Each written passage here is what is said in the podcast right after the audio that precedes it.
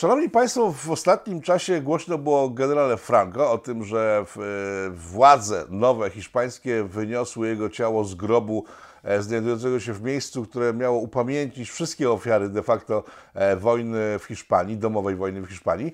E, temat dość ciekawy. Wojna w Hiszpanii została opracowana w wszelkie możliwe sposoby, ale powody, dla których wybuchła ta wojna domowa, są ciągle jakoś tak mało opracowane, przynajmniej w internecie i filmach wideo. E, w związku z tym witamy w polityku Adama Wielomskiego, profesora zajmującego się Franco do tego stopnia, że nawet napisał o nim książkę. Witam panie profesorze. Witam serdecznie. A skąd się wzięły napięcia w Hiszpanii na początku zeszłego wieku, które doprowadziły no, krótko mówiąc, do rzezi, tak? Bo to, co się tam wydarzyło, nazwać inaczej niż rzezią nie można chyba. No tak, ja się nie dziwię, że e, badacze omijają ten temat, dlatego że e, geneza tego typu wydarzeń jak wojna domowa to jest oczywiście nie na tydzień wcześniej czy na miesiąc wcześniej, to są e, pewne procesy, które się, które się namnażają przez dziesięciolecia.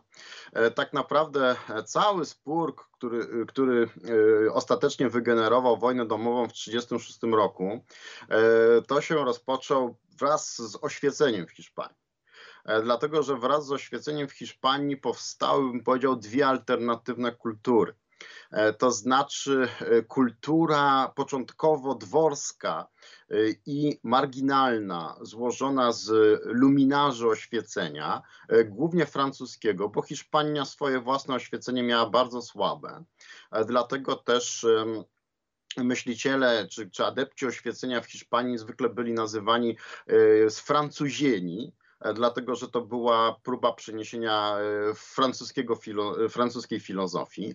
Jest to bardzo początkowo zamknięty, niewielki krąg, funkcjonujący w, w, niezwykle tradycjonalistycznym i katolickim narodzie. Tylko, tyle tylko, że krąg oświeceniowy jest kręgiem w newralgicznym miejscu, a mianowicie wokół tronu. E, I jest to XVIII wiek, no model popularny absolutyzmu oświeconego.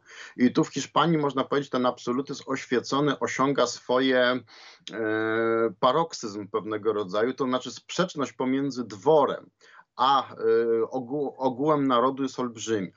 E, I ta sprzeczność potem eksploduje w czasie e, wojen napoleońskich kiedy Hiszpania jest okupowana przez e, Francję, przez Napoleona i Napoleon jednego ze swoich braci osadza na tronie hiszpańskim. No i wtedy ci wszyscy afrancezados e, zostają oskarżeni o zdradę Hiszpanii. E, dlatego że afrancezados e, popierają tą okupację i popierają wszystkie zmiany i reformy przyniesione przez rewolucję e, francuską. I naprzeciwko tego występuje cały ruch takiej gerilli, jak to się nazywa w języku hiszpańskim, czyli partyzantki ludowej. Znamy tą partyzantkę, no bo wiemy, że oni ostatecznie jakby no tego, zadali wojskom napoleońskim straty tak duże, że zmusili te wojska do ucieczki, ale w międzyczasie rozpoczyna się nowy problem.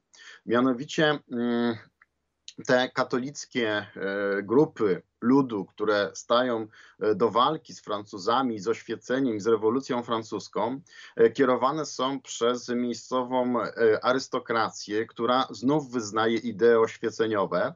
Tyle tylko, że nie w tej wersji, nazwijmy to kosmopolitycznej i zdradzieckiej, pracującej dla innego mocarstwa, tylko no, nazwijmy to własnej hiszpańskiej. I mamy wtedy w Kadyksie na początku XIX wieku uchwalenie pierwszej konstytucji Hiszpanii, którą uchwalili e, liberałowie e, i e, która będąc antyfrancuską, ponieważ nie uznawała narzuconego przez Francuzów władcy, de facto powtarzała to, co się, to, co przyniosła rewolucja i oświecenie. I cechą szczególną, która się wtedy zaczyna pojawiać, w Hiszpanii jest brak czegoś, co socjologicznie moglibyśmy określić mianem centrum. E, to znaczy, mamy niewielką grupę arystokracji mieszczaństwa hołdującemu oświeceniu i liberalizmowi, i całą hiszpańską wieś. Hiszpania jest praktycznie bez miast wtedy jeszcze, poza Madrytem i Barceloną, e, która kompletnie nie rozumie tego świata. I po zakończeniu wojen napoleońskich dochodzi znów do restauracji absolutyzmu oświeconego. Tam istnieją spory pomiędzy samym dworem królewskim, który właśnie chce oświecenie w wersji absolutystycznej, a szlachtą, która popiera oświecenie w wersji no, takiej, można powiedzieć, monarchii konstytucyjnej i parlamentarnej ale y, następuje, bym powiedział, rozwarcie tego narodu na dwa i historycy y, hiszpańscy uwielbiają wtedy takie określenie dwie Hiszpanie.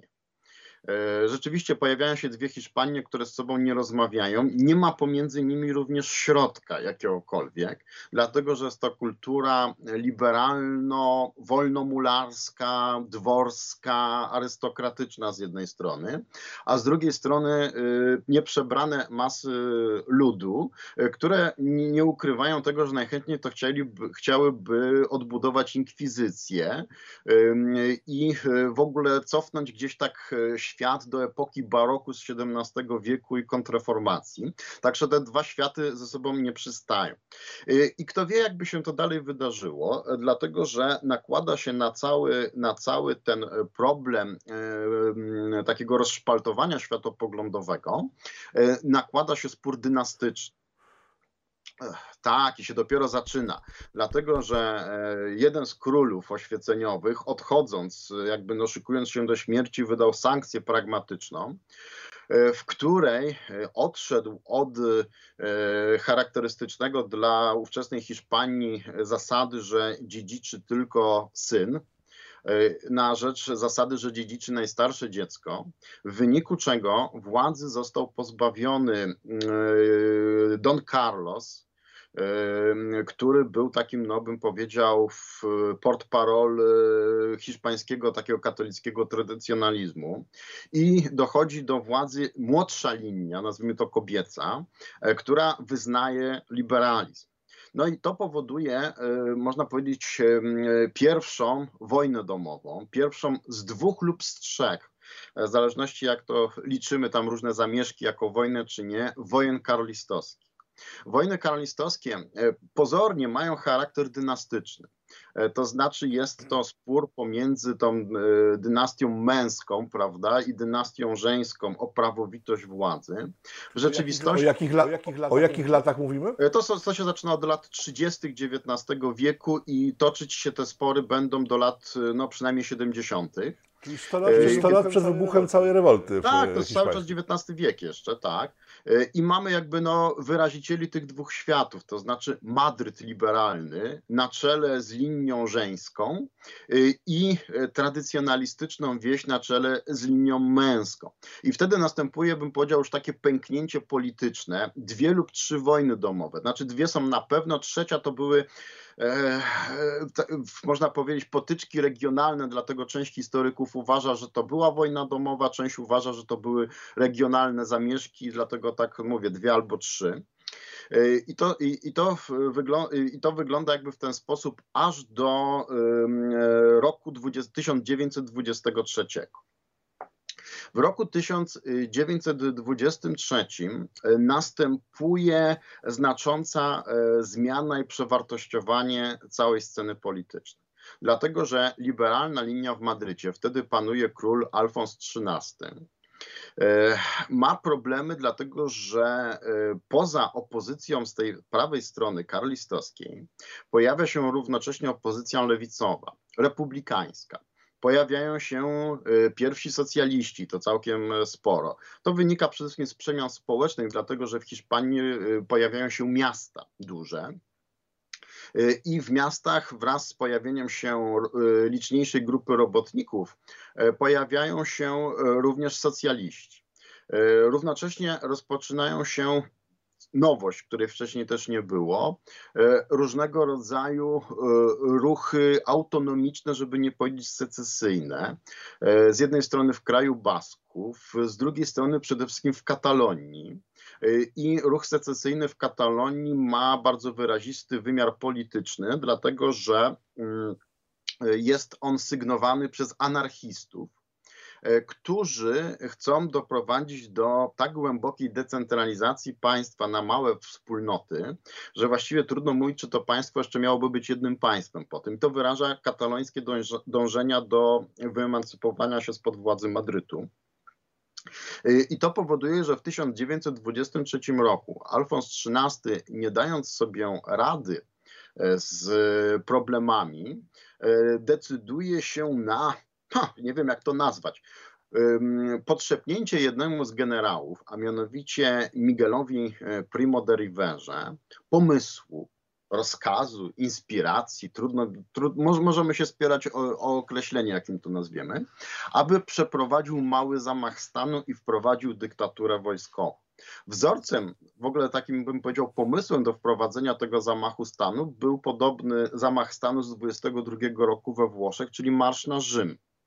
Tyle tylko, że e, o generale Miguelu Primo de Riverze trudno powiedzieć, żeby był faszystą i stworzył państwo faszystowskie, ale po prostu taki pomysł, e, no bo e, w król, jak wiadomo, we Włoszech w 22 roku zaakceptował marsz na Rzym, no i, no i w, w król Alfons XIII wpadł na pomysł, że będzie miał własnego Mussoliniego i mu podrzuci pomysł, żeby zrobił podobny no nawet nie było marszu, bo po prostu dyktaturę wojskową, e, która e, zdecyduje się przeprowadzić w kraju e, poważne reformy polityczne, ekonomiczne i wzmocnić państwo. I rzeczywiście dyktatura generała Miguela Primo de Rivery z lat 23-30 no to jest dyktatura, bardzo bym powiedział, taka mm, niekształtna. To znaczy. Co to znaczy? Y, dyktatura, która mm, nie miała jasnego programu poza jakimś takim ogólnym modernizacją państwa. Y, równocześnie dyktatura, która w żaden sposób trudno ją uznać za jakąś dyktaturę krwawą. E, dlatego że, e, co ciekawe, generał Miguel Primo de Rivera porozumiał się nawet z socjalistami, którzy go po latach nawet mile wspominali, ponieważ żadnego z nich nie aresztował, nie zabił, nie trzymał w więzieniu. A mianowicie e, to była taka mm, porozumienie z socjalistami polegające na tym, że socjaliści no, niby będą zdelegalizowani, ale policja ich nie będzie ścigać. Mogą sobie robić co chcą, byle nie prowadzili y, akcji politycznych, w zamian za co y, dyktatura przeprowadzi reformy y, socjalne. I rzeczywiście Miguel Primo de Rivera zaczął przeprowadzać pierwsze reformy socjalne w Hiszpanii. Na czym, na czym one polegały? Y, to były przede wszystkim w jakimś takim duchu korporacyjnym, elementy prawa pracy, ubezpieczeń społecznych i tak dalej. Trochę podobne gdzieś tam, nie wiem, do Bismarcka, prawda, z lat 80. XIX wieku. Y, trochę wzorowane na Włoszech Mussoliniego, ale to tak naprawdę y, przez te 7 lat dyktatura, można powiedzieć, dopiero się przygotowywała do poważnych reform gospodarczych, które wprowadzą jakieś, jakieś bym powiedział, takie no państw, elementy państwa socjalnego, e, dlatego że e, władze chciały doprowadzić do reintegracji e, proletariatu hiszpańskiego ze wspólnotą narodową. Jak to wtedy wielu socjalistów pisało, Marx pisał, że robotnicy nie mają ojczyźni, ojczyzny, dlatego że nic nie mają, w związku z czym są głodni, dlatego są gotowi do rewolucji. Primo de Rivera, można powiedzieć, myślał w tych samych kategoriach, to znaczy uznał, że jeżeli robotnicy polepszy się ich poziom życia, zarobki, e, ubezpieczenia społeczne, no to stwierdzą, że mają ojczyznę. E, I realizował właśnie ten kierunek. E, z drugiej strony, wprowadzając zdecydowanie bardziej konserwatywny kurs światopoglądowy, taki bardziej katolicki, próbował, też zresztą skutecznie, doprowadzić do jakiegoś porozumienia z tymi karlistami. No więc właśnie, no więc właśnie kim, kim, byli karliści, bo nie, znając, nie znając specyfiki hiszpańskiej, te wszystkie e, ugrupowania mogą wydać się w, widzom w Polsce obce. Może roz, rozpiszmy to tak po kolei. Karliści, kim byli karliści na Oni początku? sami się określają mianem tradycjonaliści, wspólnota tradycjonalistyczna. To są właśnie ci, którzy w XIX wieku popierali Don Carlosa, i którzy przegrali te dwa lub trzy e, powstania e, i którzy pod koniec XIX wieku zostali zredukowani w gruncie rzeczy do, do Nawary To są po części, nazwijmy to w znaczeniu etnicznym, Hiszpanie, po części Baskowie. Co ciekawe, u karlistów ten podział nie jest w ogóle istotny. I którzy protestują przeciwko nowoczesnemu, scentralizowanemu, nowożytnemu państwu.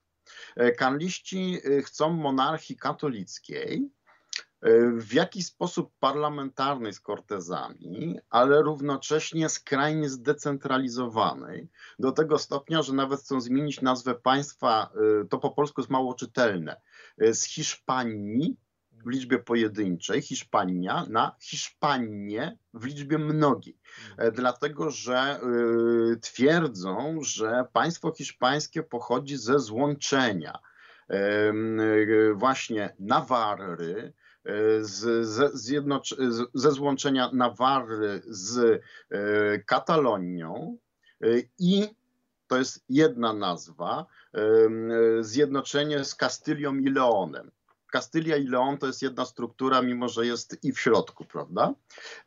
I twierdzą, że państwo hiszpańskie składa się jakby z takich trzech podpaństw, które powinny mieć bardzo głęboką y, autonomię, żeby nie powiedzieć kraj związkowy, nazwijmy to w ten sposób, y, i polegający na tym, że jedyne co miało łączyć te kraje, to miało być wspólna korona, polityka zagraniczna, armia, moneta, a wszystkie sprawy, nazwijmy to, nie wiem, od prawa handlowego poczynając, miały być autonomiczne. E, za tym projektem, który się e, odwołuje do hiszpańskich tradycji jeszcze z czasów właśnie kontrreformacji, bo tak wtedy hiszpańskie państwo wyglądało, e, tam za tym się kryją bardzo realne interesy. Dlaczego? Dlatego, że mm, nam się kojarzy liberalizm XIX-wieczny z obniżeniem podatków, prawda? Mm -hmm. Tak, że państwo błędnie. interweniuje, niskie podatki i tak dalej. Co ciekawe, w Nawarze w wyniku reform liberalnych podatki wzrosły dwukrotnie. Dlaczego? Dlatego, że były niezwykle niskie w systemie tym tradycyjnym sprzed powstania zunifikowanego państwa. I szacuje się, że przeciętny nawarski góral, bo to byli głównie górale, w wyniku ujednolicenia systemu podatkowego musiał płacić dwa razy wyższe podatki niż w epoce przedliberalnej. Stąd ich ta zamiłowanie do tych wolności regionalnych, to się nazywa fueros w języku hiszpańskim. No to jest coś, co nawet trudno znaleźć dla, w języku polskim e, odpowiednik. Ja bym e, jako, e, powiem tak, ja bym znalazł zapomniane zupełnie w Polsce słowo lauda. E, szlachta laudańska występuje, prawda, gdzieś tam w potopie. Laudum to jest e, autonomiczna ziemia, e, która posiada własne prawa, własne zgromadzenia parlamentarne i tak dalej i nie podlega poza jakimiś podstawowymi prawami ogólnemu prawu krajowemu.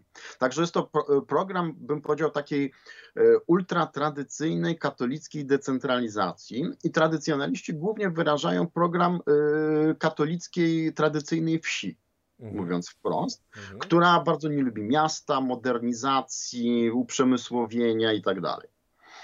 Także, także to jest ten program karlistowski. Jego cechą charakterystyczną jest to, że w ogóle karlistów, że o ile w XIX wieku byli ruchem ogólnokrajowym, to po przegranych wojnach karlistowskich zaczęli się cofać w kierunku północno-wschodnim, obejmując dzisiejszy kraj Basków, czyli Nawarrę z jednej strony i obejmując Katalonię, w której też potem przestają istnieć, a resztki się przekształcają w ruch autonomiczny.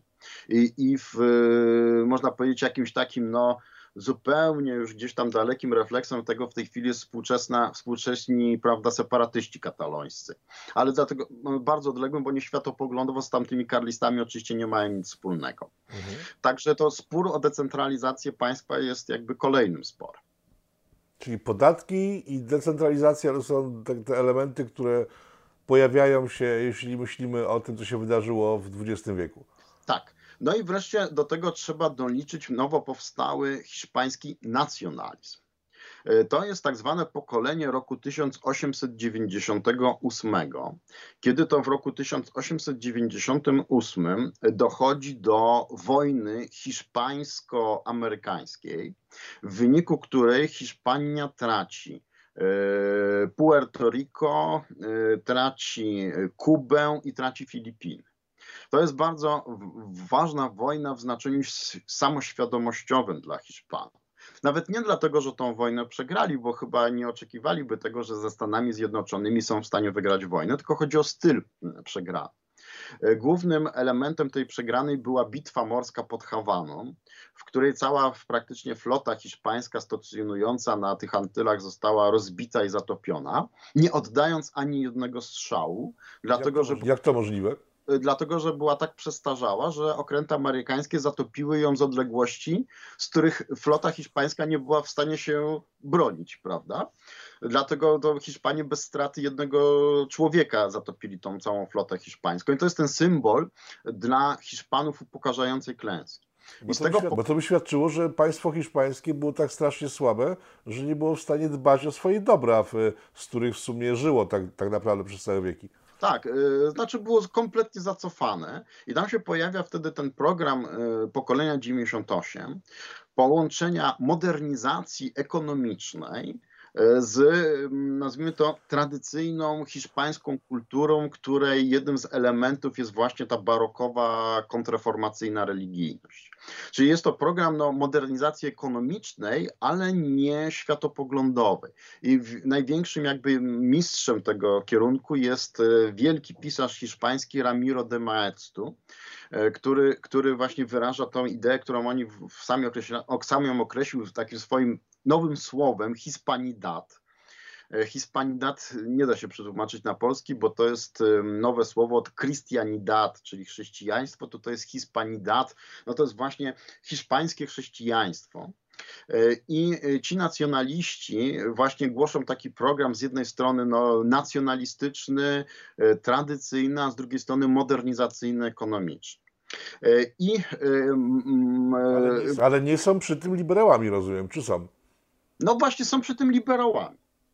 Są, okej. Okay. Są, tak. Y, to, to, jest, taki... to jest ta kontra co do tych karlistów. Tam tra tradycja i rozwój, a tutaj nowoczesność. strony, ale z drugiej strony y, nie popierają modernizacji takiej, jak chcieli y, hiszpańscy liberałowie, którzy byli strasznie antyklerykalni albo jak socjaliści, którzy też byli antyklerykalni, jeszcze byli przeciwko modernizacji ekonomicznej, ponieważ chcieli tworzący się kapitał obciążyć podatkami prawda, na świadczenia socjalne. Mhm. I, I, tu mam pytanie, bo to jest coś, co mnie dręczy, jak obserwuję ten, ten, ten, ten okres. Skąd tak y, ogromna niechęć do kościoła?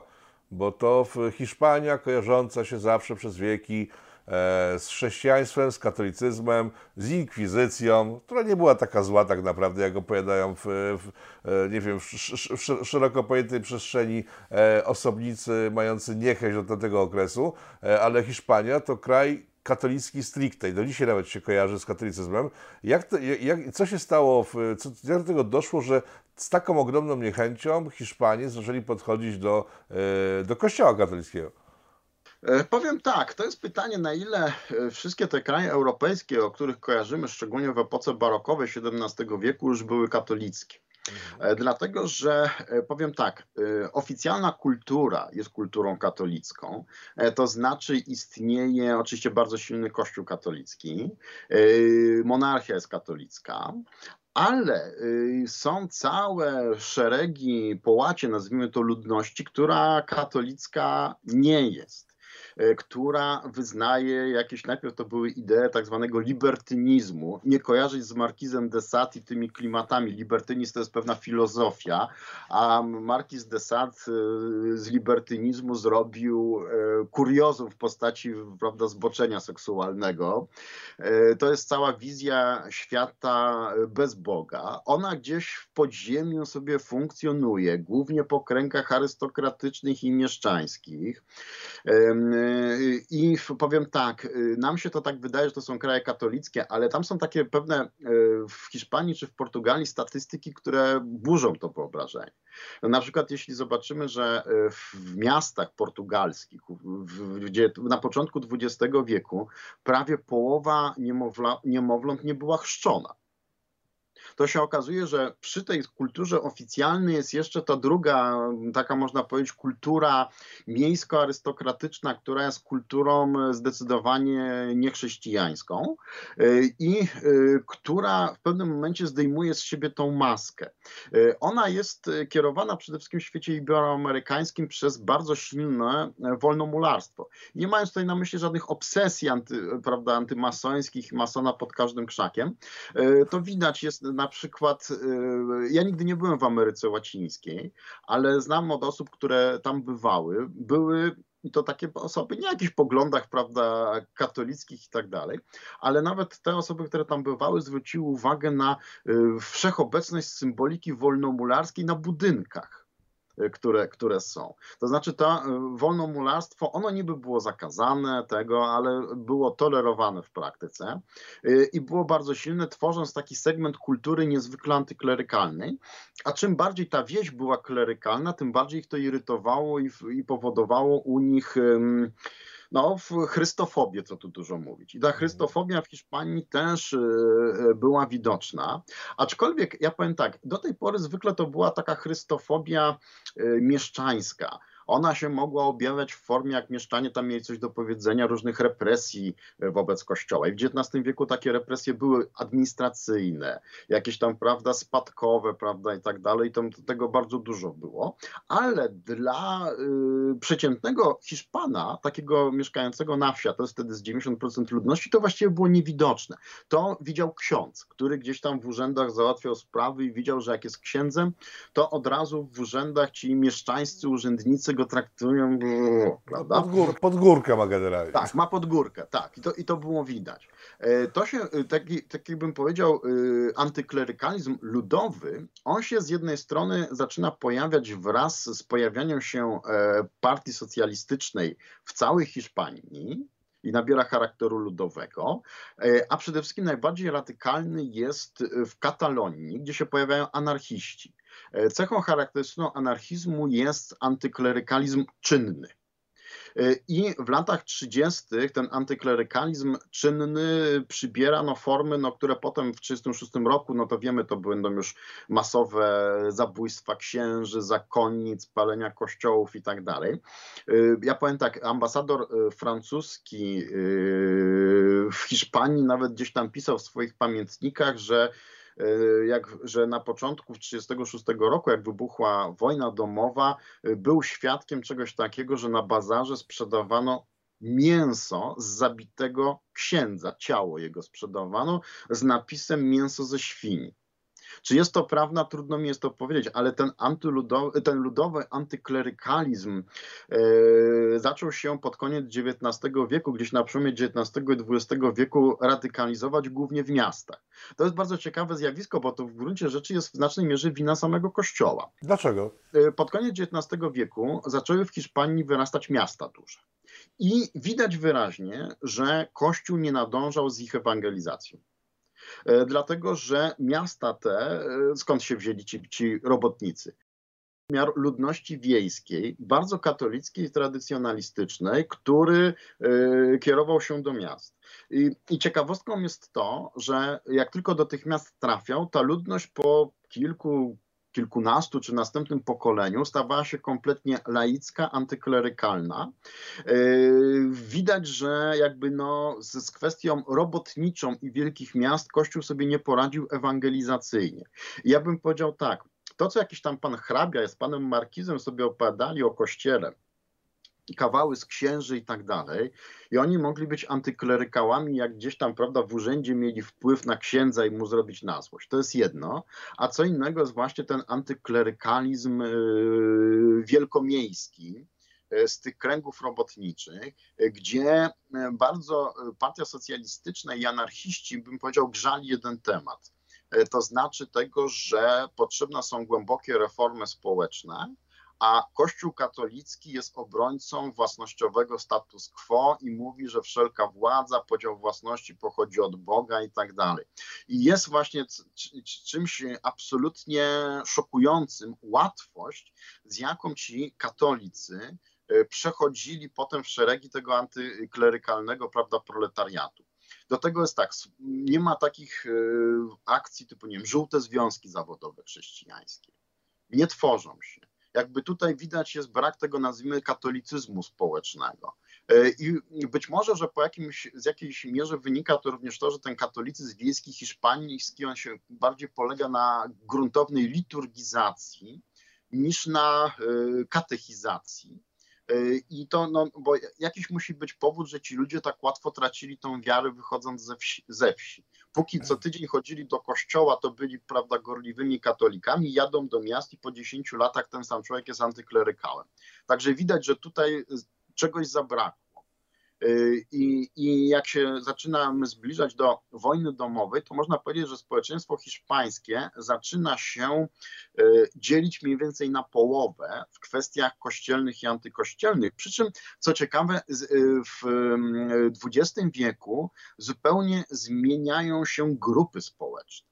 Dlatego, że o ile w wieku XIX liberalna i antyklerykalna jest arystokracja i mieszczaństwo, to w, na, e, na, początku pierwszej połowie XX wieku, w pierwszych 30 latach, te grupy gwałtownie się rekatolicyzują y, i elity hiszpańskie, polityczne, kulturowe, ekonomiczne są chrześcijańskie, katolickie, podczas kiedy są dwie grupy antychrześcijańskie, to znaczy są robotnicy i bezrolni chłopi. Mhm. E, dlatego, że e, bardzo ciekawa rzecz. E, jeżeli sobie spojrzymy na taką socjologię polityczną Hiszpanii ówczesnej, to zobaczymy, że chłopi tradycjonaliści to są chłopi z północnej Hiszpanii, chłopi, którzy mają własne gospodarstwa. Chłopi, którzy są robotnikami rolnymi, bez własnej ziemi pracują na cudzym, szczególnie na takich, nazwijmy to, małych latyfundiach, to przede wszystkim dotyczy południowej Hiszpanii i po części dotyczy również Katalonii. Tam chłopi są rewolucyjni i antyklerykalni. Ja bym powiedział, że brak przeprowadzenia jakiejś mądrej reformy rolnej e, w XIX wieku spowodował radykalizację polityczno-antyklerykalną południowo-hiszpańskiej wsi i to jest też pewien problem, którego moim zdaniem, po dzień dzisiejszy zresztą, mhm. E, konserwatyści hiszpańscy nie zwrócili na to uwagi. E, co ciekawe, w ogóle tą obserwację i tego, że tu był jakiś błąd z tym nieprzeprowadzeniem reformy rolnej na południu, to na to zwracają ba uwagę badacze zagraniczni. Ja to przeczytałem badaczy francuskich, którzy na to zwrócili uwagę, że w, dlaczego część chłopów jest jakby w, ma takie pogląda, część takie i to, się, to, jest, to jest regionalne w Hiszpanii, niezwiązane z tym, czy byli posiadaczami ziemskimi, czy nie. Generalnie mm, chłop, który ma 10 hektarów jest zagorzałym katolikiem i no bo to mu daje system, e, który pozwala mu normalnie funkcjonować, tak? Tak, i on się świetnie chwili... czuje i bardzo mu zależy wtedy na tym systemie decentralizacji, e, dlatego że on ma realną e, współwładzę polityczną u siebie gdzieś tam w strukturach tych regionalnych. Podczas kiedy chłopi bez ziemi są najbardziej radykalnym elementem łączącym się z radykałami miejskimi, czyli prawda, z, z mówiąc po marcistowsku proletariatem. No i jeszcze na, na, w, w Katalonii do tego dochodzi cała ideologia e, anarchistyczna, która jest najbardziej rewolucyjna, najbardziej antyklerykalna i co tu mhm. dużo mówić, anarchiści są najchętniej sięgają po przemoc fizyczną. No i są antypaństwowi przede wszystkim, tak? Oni nie chcą żadnego państwa, żadnego systemu. Yy, tak. Chociaż chcą stworzyć własny, no to jest taki paradoks. To tak jak libertarianie mówią o 200 Liechtensteinach, prawda? Gdzieś tam 1000 Liechtensteinów w Europie, to oni tam na Hiszpanii chcieliby pewnie na 150 Liechtensteinów przerobić, prawda? Takich małych wspólnot.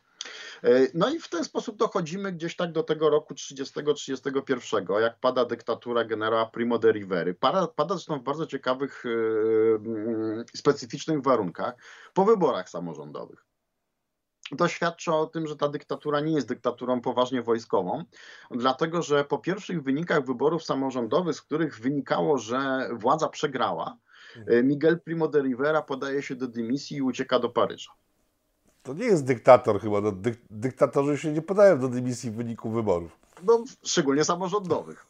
No więc właśnie. Jak podliczono wszystkie głosy, okazało się, że przegrał w Madrycie i w Barcelonie, a w ogóle wygrał w skali kraju, ale już okay. uciekł okay. w tym czasie. Tak. I wtedy dochodzi do proklamowania republiki. I republika od samego początku, kiedy się wszystko zaczyna być oparte na prawie wyborczym, republika jest od razu, bym powiedział, rozszpaltowana na dwa ekstrema.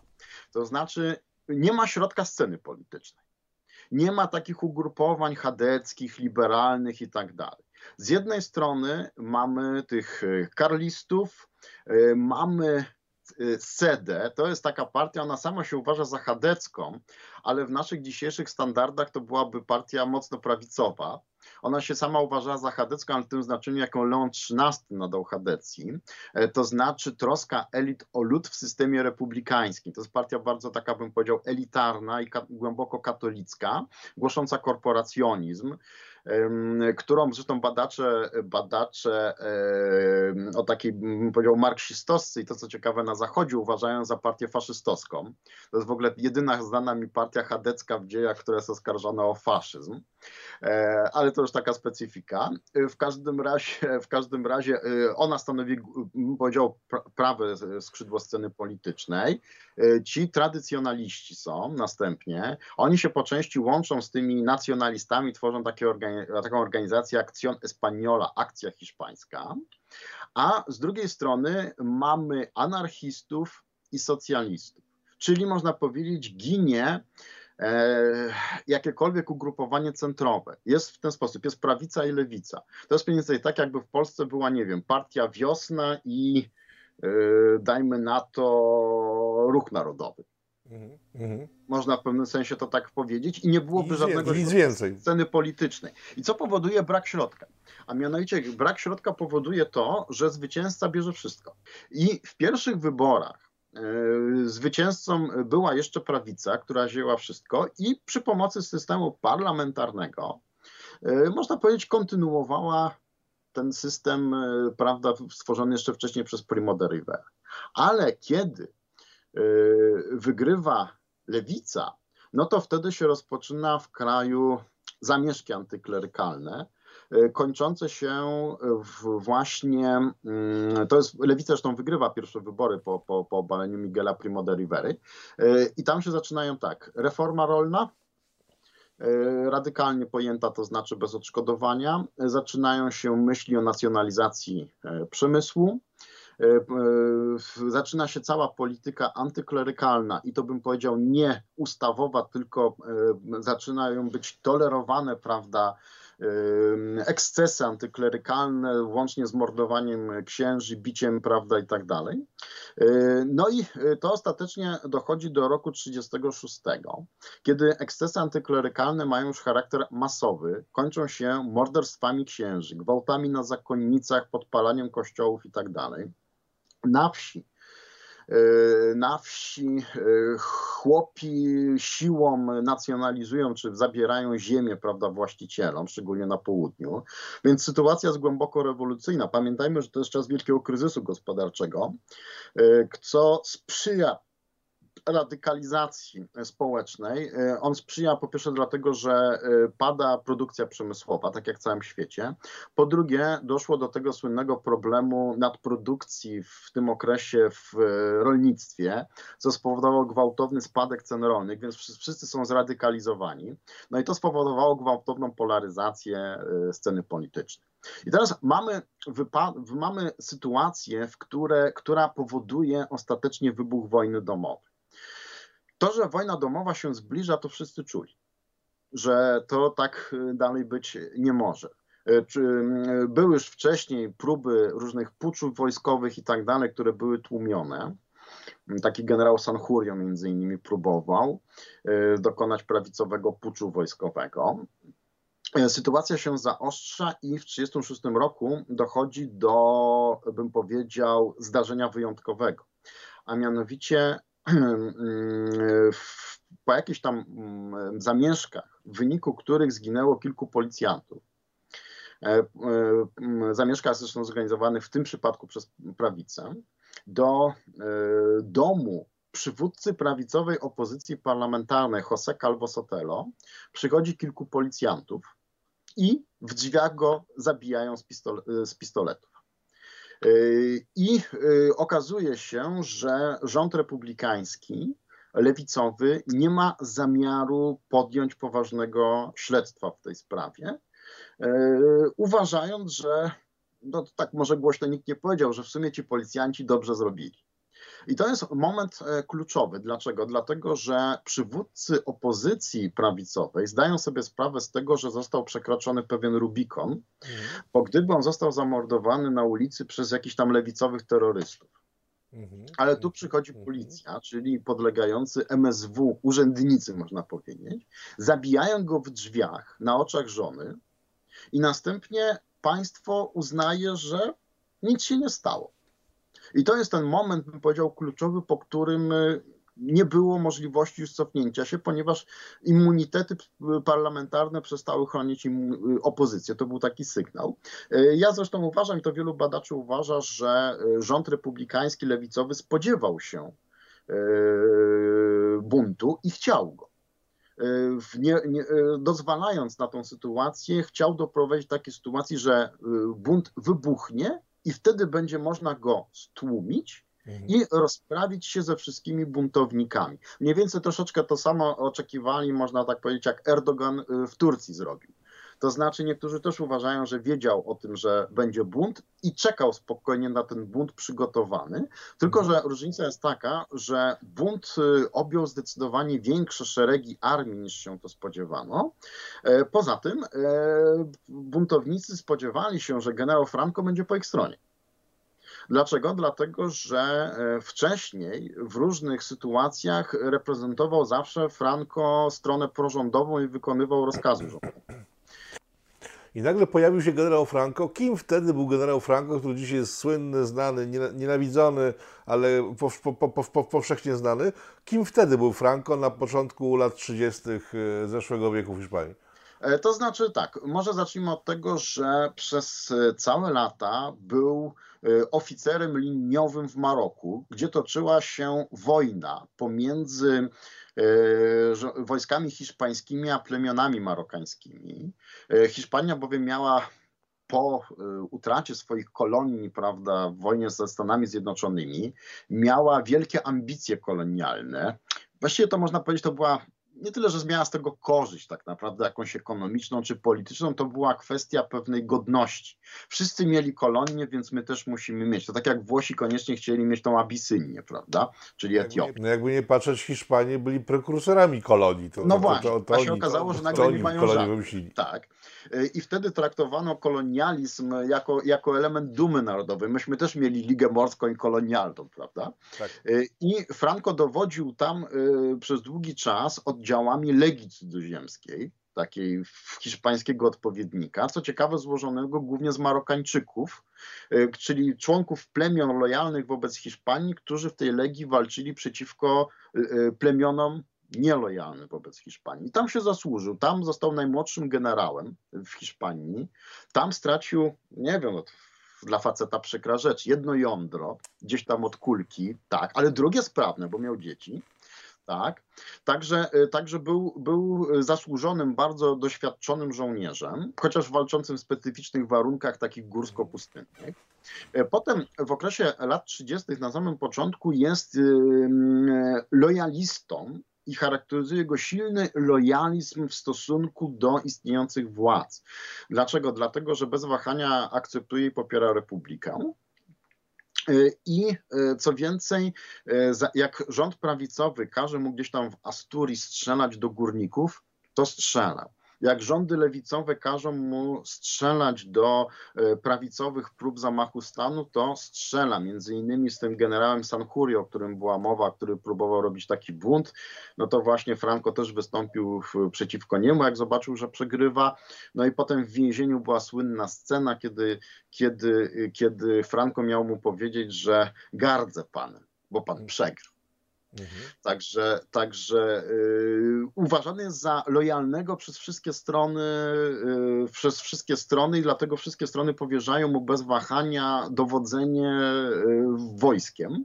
Dlatego Franco jest postacią istotną, chociaż nie był y, pierwszym, jakby najważniejszym z dowódców. Najważniejszym takim pod względem dowódczym był generał Mola, który jednakże szczęśliwie, nieszczęśliwie dla Franco w 1936 roku w przededniu wybuchu wojny domowej przypadkowo zginął w wypadku lotniczym po prostu.